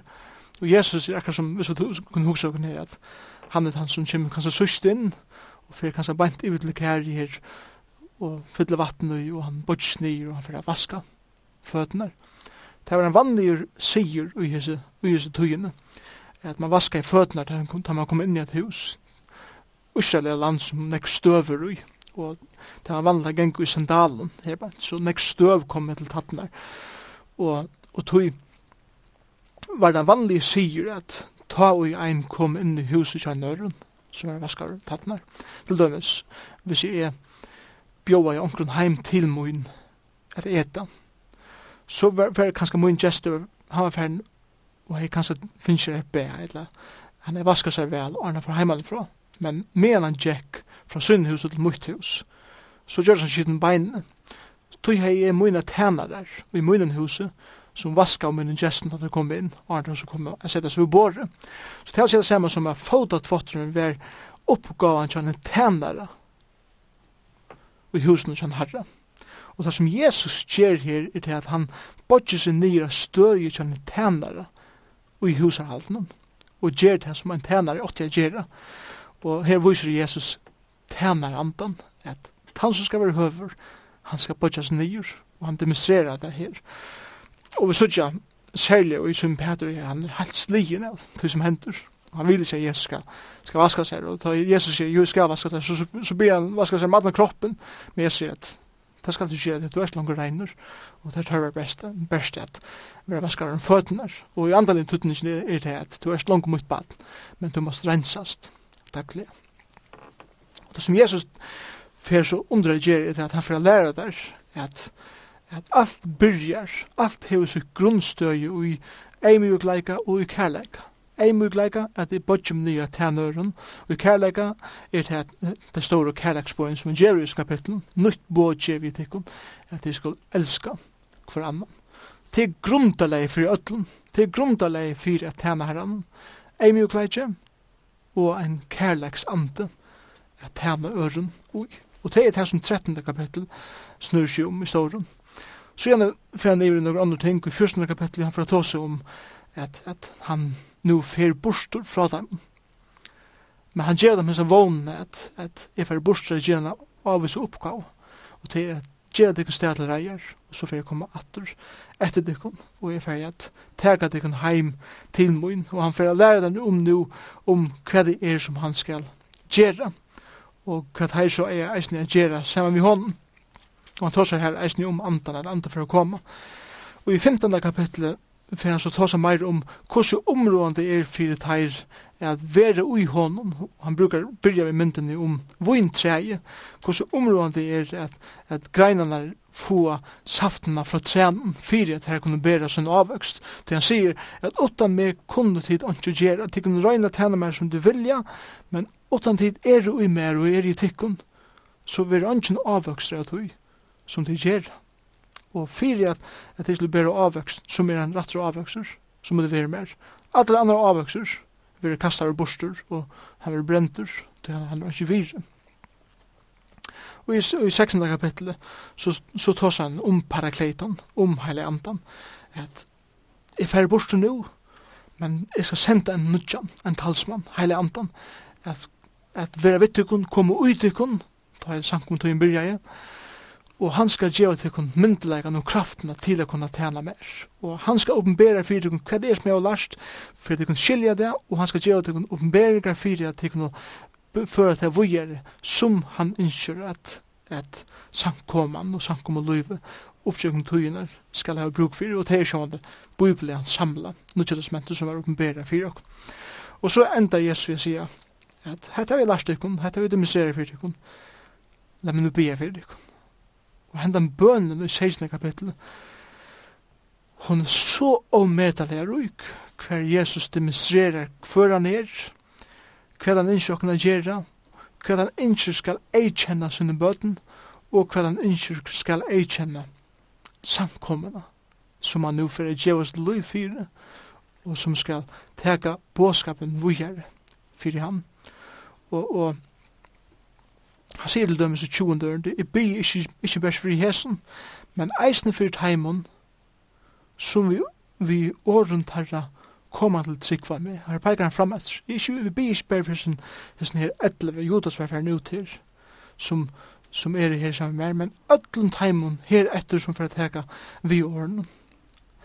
At de skulle være eit, og etter eit av høvus, eh, evnen og yrelsbønnen, Jesus spyr om einleika mittlen sitt folk. At, at, at, at de skulle stande saman som eitt og trunni av Jesus Kristus.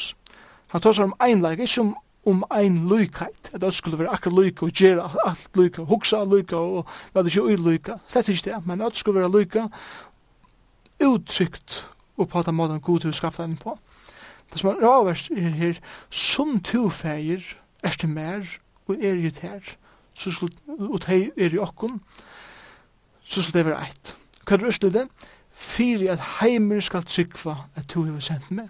Underfullt er bare at om vi er og eit, så er det en vittnesbord for tei som mennesker og tids mot Herren Jesus Kristus, og tei skulle sutja det at av de her sier er eit, så heva tei nekka som vi ikke heva, og tei koma til trygg og Herren Jesus Kristus. Og så, og så enda bønnen, at jeg har kun gjort heimen navntugt er komin at gjera det som to ber meg koma at gjera at kun gjerra navntugt jeg skal kun gjerra heimen til fyrir jeg kærleikin og to hever elska med vi skrever ut heimen og er ut heimen og her enda han atter her vi som han byrja i kærleiksbålen at elska kun annan og tæna kvar Bønnen og Johannes Heijan her, så kjøver han byr i eller fire seg sjálvun fyrst, eller man kan byta han opp i troi, han byr fyrst for seg sjálvun, så byr han fire lærersveinen sønnen, og så til sust, som du nevnte, fyrir öllum tæmum som vi åren tarra koma til trygg var med. Hatt en til seinast en global bøn som er galdandi uh, til alt godsfalk, til allar tøyir, han byr om at det skulle være. Men vi vet at, at Jesus i det er vi høyre håndgods og i himmelen, og han er ikke en passiv at han det stender jo, at han lever for alltid jeg bia for okkon. Så man kan si at en kvar som tror av Jesus Kristus og høyre hånd til, er innbefattar og en avhaldande bøn, en høysprøstebøn, som Jesus alltid bier, og eisen i det. Jeg tykker at bønnen som vi sutja her i Johannes Heitjan, Nemlig som du sier, hon enda ikkje vi sista verset i hese kapitlen, men hon heldur å ha enda i det, kan man godt sige. Og jeg hadde til utrolig, det er så omedelig, trøstande for meg at jeg vet at i det er god sjolver, Jesus Kristus i himmelen, og han byr for mer, trygg vi er, vi navnet og kvarjun av synen vi navnet. Og en annen tæna som Jesus hever eisen i himmelen det er, Han byr fyrir okkur, men han samtidig gjer han okkur sted til reier, som han sier vi lærer sann og her i, i Johannes 14. I en sted til reier. Vi tog for eia at eina fyr skal jeg teka deg alt det her som er her. Sier bare sjån til himmelen. En annen oppgave som Jesus hever i himmelen det er til at han, han stender framme for Asjon Guds. Og oppenberingen uh, lyser det at Satan er det og nått, og han klier okkur fyrir alt det skreiva som vi gjør. Og han, han, han røyner det og nått og sier vi god at jeg kan nu ikke oppebore det her, svim nu ikke oppebore hit og og så videre, og jeg nu ikke oppebore hikka det gjerra.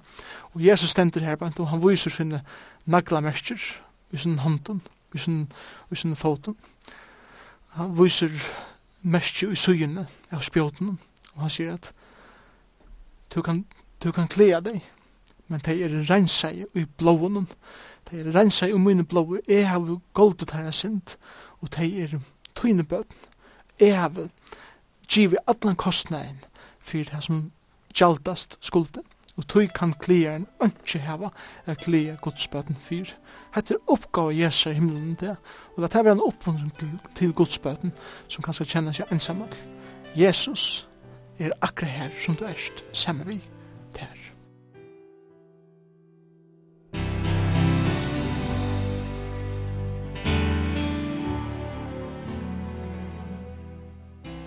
og et som alle evangelistene er samtidig om, til å gjøre nekbors ur til som er til som er tjattnan i kristendom, til det er Jesus døye, og at han var gravlagt og røys opp hatt for menneskene synder. Og Johannes er selv fyllt ikke noe undertag og sånn Men uh, han løser ofte i Øres vinklar. Og det sørger vi løsning her. Med landa og samrøvna vi, vi Pilatus, synoptikerne, til er mer men i telegramstøyt som Jesus tås av vi, Pilatus, han sier vi han er konger i og han sver at du sier det, så det er just det. Men uh, Johannes, her, her fyr en, en, en djupare samtale fram. Det er sikkert det som Johannes ønsker å vise her, er til at Pilatus dutti ikkje suttja hva han skulle døme Jesus fyr. Og det sender at, at øtte fall av han, enda mer øtte fall av han, ta i jødene og at han sier seg være sånn gods, og så videre. Er. Og det er verst. Det sender her i åttende øren, du er nødvendig kapittel, da Pilatus hørte etter fall enn mer til han, og han får inn at fra borgsene, og sier vi Jesus, hva er han er til? Men Jesus gav han ikke svær. Da sier Pilatus vi han, tåsar du ikke vi med, vars du ikke, at jeg har valgt å gjøre til leisan, og har valgt å krossfeste til det som er avverst er særlig svært i alt det, som Jesus skjever. Jesus svært er, to jeg ikke valgt haft i den mer. Vær det ikke givet her, om han er fra. Og det er akkurat som Jesus eh, viser Pilatus her at, at to hei finnes jeg myndelega, ja. Og, og to hei finnes jeg myndelega, at Jeremy Leysan, etla at kjeva meg bo om et dødja. Men la meg sige der til at her som myndelagen er givet her og man ifra. Ikke bare for kajsaren, men en, hag, en hagre myndelaga enn det. Og ta myndelagen er i jeg sjolver. Og er vi undergivet med tøyne myndelaga. Vi tøy for jeg eia at oppfylla det som god sjolver har sendt meg a gjerra og til jeg dodja fyrir mennesker av krossen. Jesus visste hver er Pilatus for å teka åren. Han sier det her. Og han visste hva han kom til, åren Pilatus sier det her. Og han viser bare at jeg er han som har myndleikan, og ikke to. Men jeg løyver til at jeg har myndleikan, jeg mer just nu. Og, og han og han lät sig kross, krossfest av krossen. Og så er det avhverst Men så er det viring som Pilatus hever her bant, eh, nødgjendørene. Pilatus hei skriva en iveskrift til han nekla av krossen, eller seta av krossen, Jesus ur Nazaret. Og så sier han, konkur jøtan. Og høvespressan er i øyne at, at han skriva til. Og da sier vi han, ikkje skriva konkur jøtan, men skriva heldur, han sier at han er konkur jøtan. Men, men Pilatus sier så at det som skriva er, er skriva. Og jeg tykker at kanskje uisen her sykje vi eh, at Pilatus har kanskje innse okkur seg at, at kanskje er han en konkur som gjør han nu krossfesta. Kanskje Johannes røyner av vise av at her ute som han skriver. Men det vet vi jo ikke akkurat. Men han gjør kursen meir på seg ord at vise at Pilatus har en samtale vi Jesus og en samtale som er trygg vi har en avvurskan og hans herre liv og ikke bare være en samtale som bare får at vi bor noe til eka tann akæra som en person ble uh, dømt fyrir, hon var vanlig skrive på krossen. Så her var jo trudje krossar, det stender ikke om hva det var skrive på om krossen. Man kan fyrstilla seg her, til dømes at her kan ha steg um, opprøstere maur, og på øyne krosset. Det kan ha steg droppsmaur på øyne krosset. Og så på øyne krosset stender Jesus og Nazaret, konger jødana, og til vi er øyne eimujkjande for jødana lyst det Det som tar yngste til var Jesus ur Nazaret, som sier seg å være kong i jødene. Men eh, Pilatus, man kan si at han ikke tåsa sandaga fyr, så tåsa han til å ta, til han sett hans iverskriften i krossen. Det er det det. En av spårning som, som han spyr Jesus er, hva det er sannleik. og, og kanskje hever akkur skunnig oppfyrin her, men det kanskje er akkurat det her sannleik. Jesus ur Nazaret, konkur, jødene. Det er sannleggen. Et annet som vi sier her er at Pilatus dømer Jesus, eh, man kan si i tveimun stien, i Johannes evangeliet.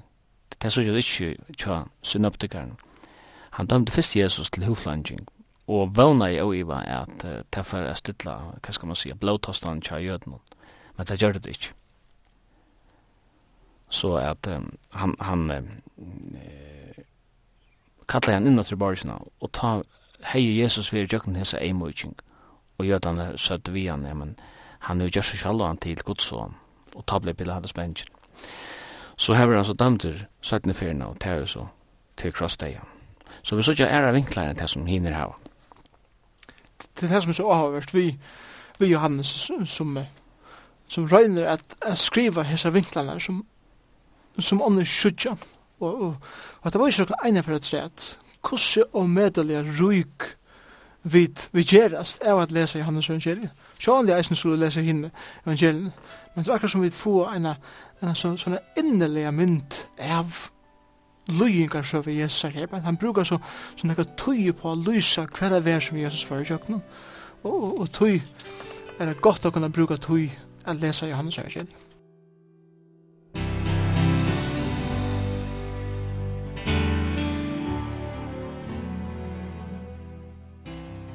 Hesen Johannes som skriver evangeliet, han nevner seg i evangeliet og i tre person som læresveinen og Jesus elskar.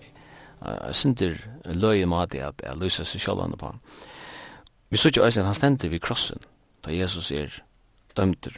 Her stender vi kross, Jesus her, stod møver hans her, og syster møver hans her, Maria, kona Klopas, og Maria Magdalena. Ta henne Jesus sa med sinna, og tja henne, læresveinen, og han elskar i, sier han vi maursina, kvinna, hygg sonertøyen. Så sier han vi læresøyen, til sier Jesus, er av krossen hon, tåsar bøgnløys til høvendan av Johannes evangeliet. Han sier vi han, hygg mauertøyen, og fra tørrestund tåg læresøynen henne heim til søyn. Her er bøgnløys samtala vi Johannes fra krossen av. Anker har sagt som så at uh, vi tar ganske ikke svære på hvor han kallar seg for læresvenn og Jesus elskar jeg. Nei, jeg tror ikke jeg vil heva noen svær oppa det, men at Lukan sier at det er så ommetan jeg nekv. Jeg tror ikke jeg så ikke en mann som hever virkelig kjent en kærleik fra Jesus.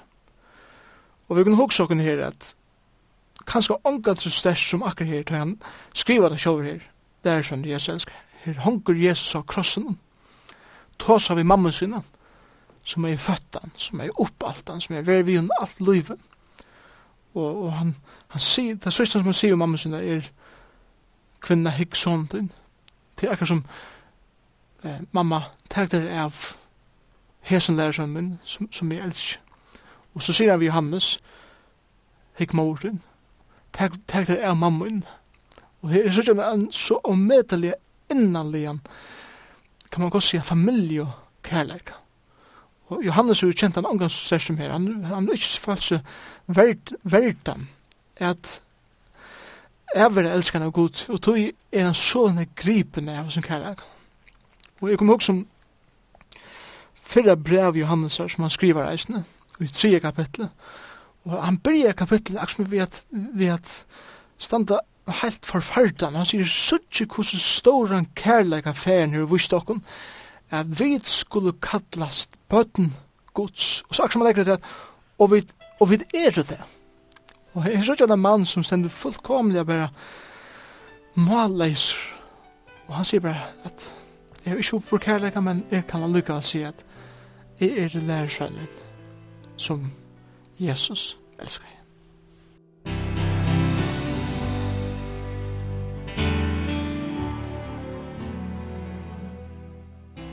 tar det kjem til oppreisen Jesus her, så sykja vi da isne imes ting som uh, Johannes grei fra, som vi ikke sykja tja hinnom. Men uh, jeg husker nu særlig om den søgneste kapitlen, 21. kapitlen. Det er nekka som uh, fer fram, at Jesus åpenbæra seg tri for fire lærersvenner, som atan han er lysen opp fra dem deg. Og her ser man i det sista kapitlen at uh, Johannes, han er, man kan si, han er originaler, atlan vi inn jøknon, men han hiner uh, evangelistene, synoptikerne som vi kallar der, er rettelig nek i Galilea, og så koma til Judea sammen med Jesus døy.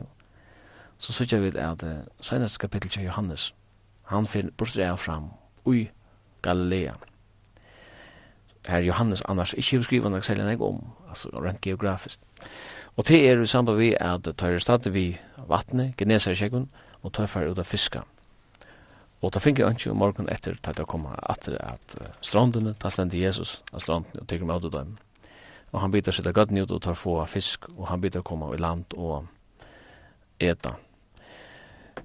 Jeg husker med det her at er så, så um, iver iverandalig gjør vi er god, og til samtidig han ikke har vist ut folk. Jeg så Jesus, han tar med av dem, han beder komme, og beder komme og få seg eta. Og stoktan fisk og brei.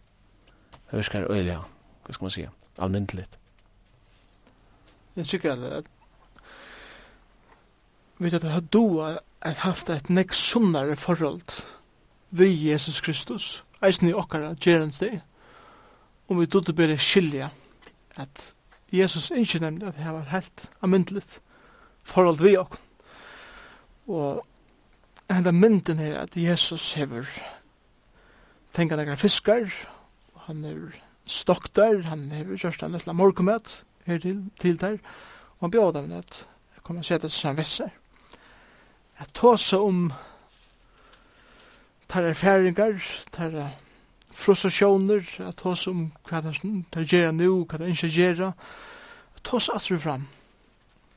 Hadde vi lært at haft det her samfunnet ved Jesus, og ikke even mystifisere okkara forhold ved Jesus, at jeg tar i vid bya så, så, så brøyda vi nesten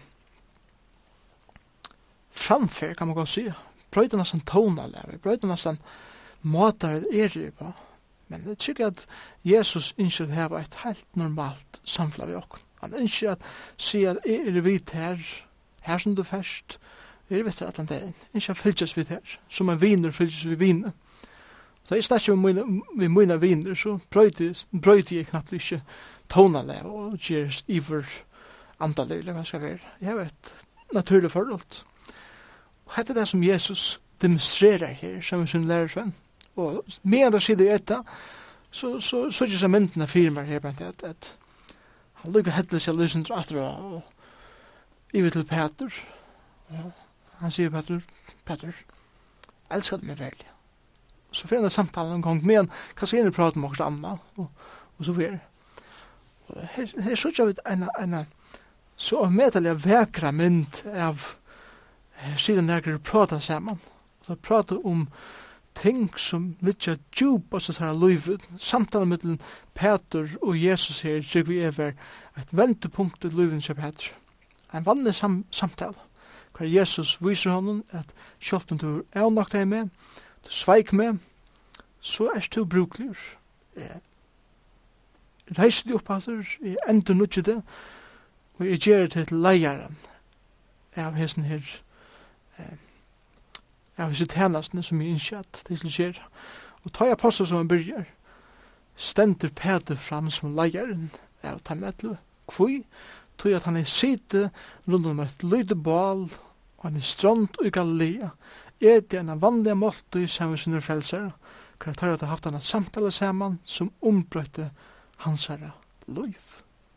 Jeg tykker at hvis jeg har lært meg at sam mitt forhold ved Jesus Kristus er samme hatt, ikke som jeg mystisk, men som jeg helt, helt av myndelig til min liv, hva jeg tar seg ved Jesus, hva han tar seg ved meg, hva vi tar det samfunnet sammen, og kan han slapp at nema vi meg som han gjør vi Petra henne dagen, så trygg vi at menk, menka min liv, hei mitt liv, veri ombrøyt, og jeg kunne være bruktur til det enda betra fyrir herran, enn kanska veri gjørtur vi det.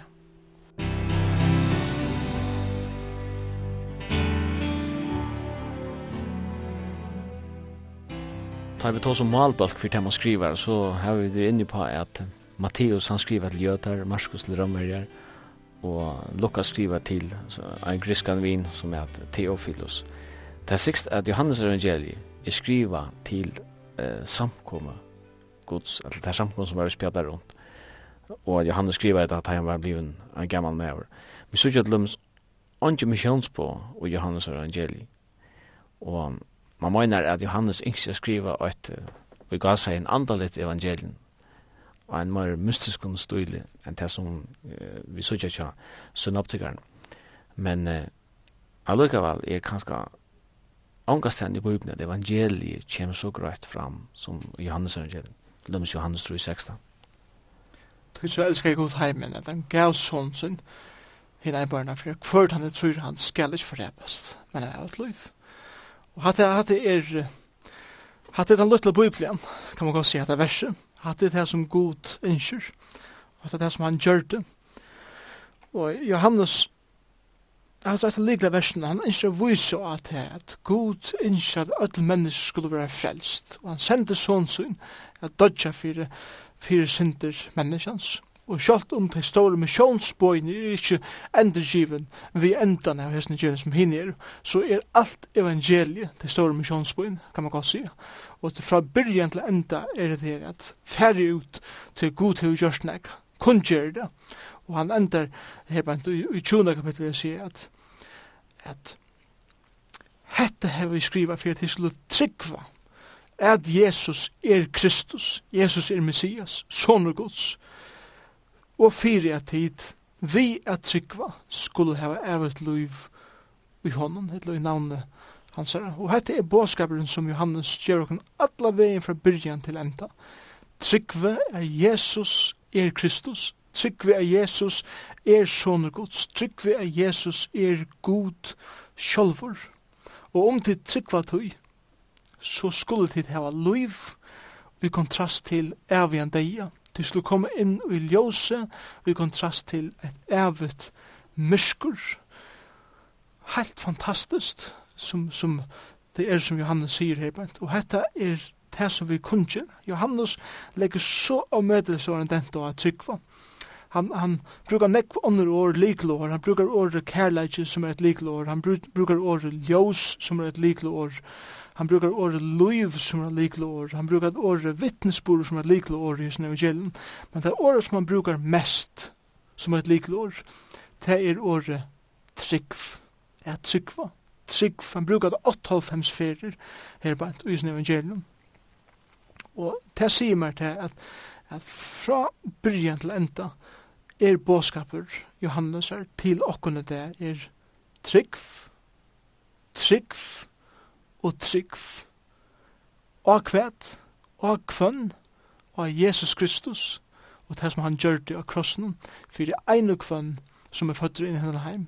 Eisende te som lustar etter sin sending det. Jesus Kristus døye fyrir te. Fyrir te, han heter tovart verdur at dødja fyrir. Og nu spyr han te, her som du køyrer, eller her som du sitter, eller hver du erst det, trus du, til som jeg gjør det fyrir det, og om du gjør det, så skal du få liv, du skal få et evet liv, du skal få tøyna sinter fyrir kjennar, du skal få et, et liv som skal føre til heim til himmels. Du skal få et liv som skal bjerga dig herfra en evig fortapelse som heter helvete. Frelstur inn i himmelen. Tog jeg til å tro at jeg er sånne gods, sier Jesus. Kære viner, trygg tog jeg han, djev til liv til han, just her som du sitter, beint nu, og du skal kjenna til at Kristus stendte vi åpne armen, og han teker mot det her. Lyga mykje hva du er, lyga mykje hva du er gjørst, og han skal frelse just til.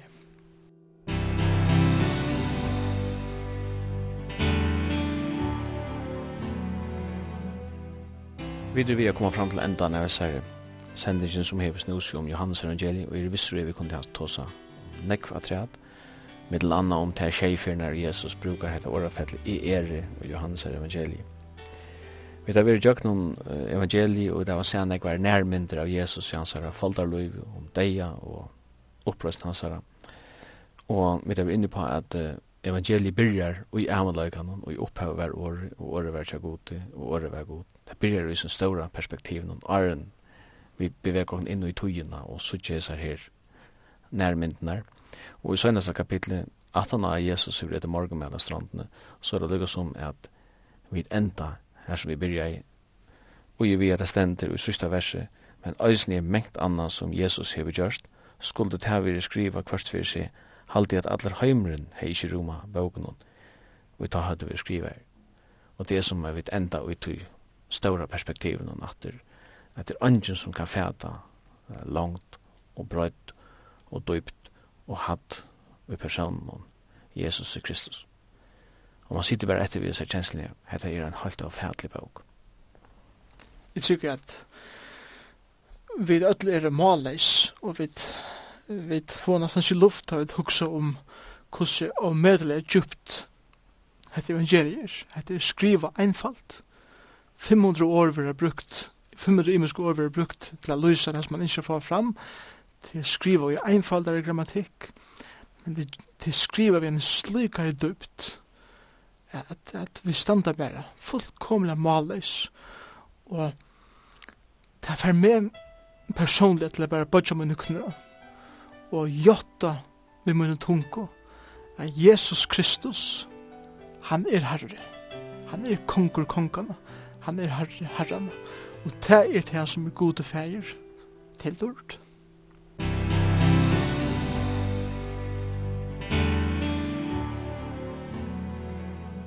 Og vi har sånn åren færre vidt at takka for jokken her i lintene.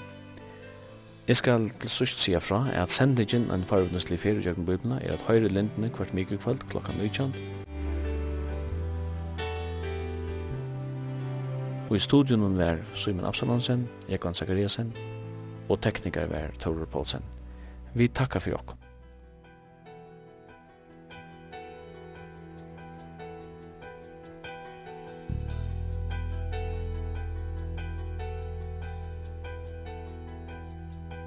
When he rolls up his sleeves He ain't just putting on the Ritz. There is thunder in his footsteps And lightning in his fist. The Lord wasn't joking when he kicked him out of Eden. It wasn't for no reason that he shed his blood His return is very close and so you better be believing That our God is an awesome God. Our God is an awesome God. He reigns from heaven above With wisdom, power and love. Our God is an awesome God.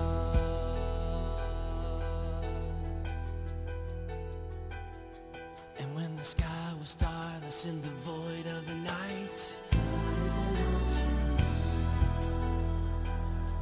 spoke into the darkness and created the light. God is awesome Judgment and wrath he poured out on Sodom. Mercy and grace he gave us at the cross. I hope that we have not too quickly forgotten That our God is an awesome God. Our God is an awesome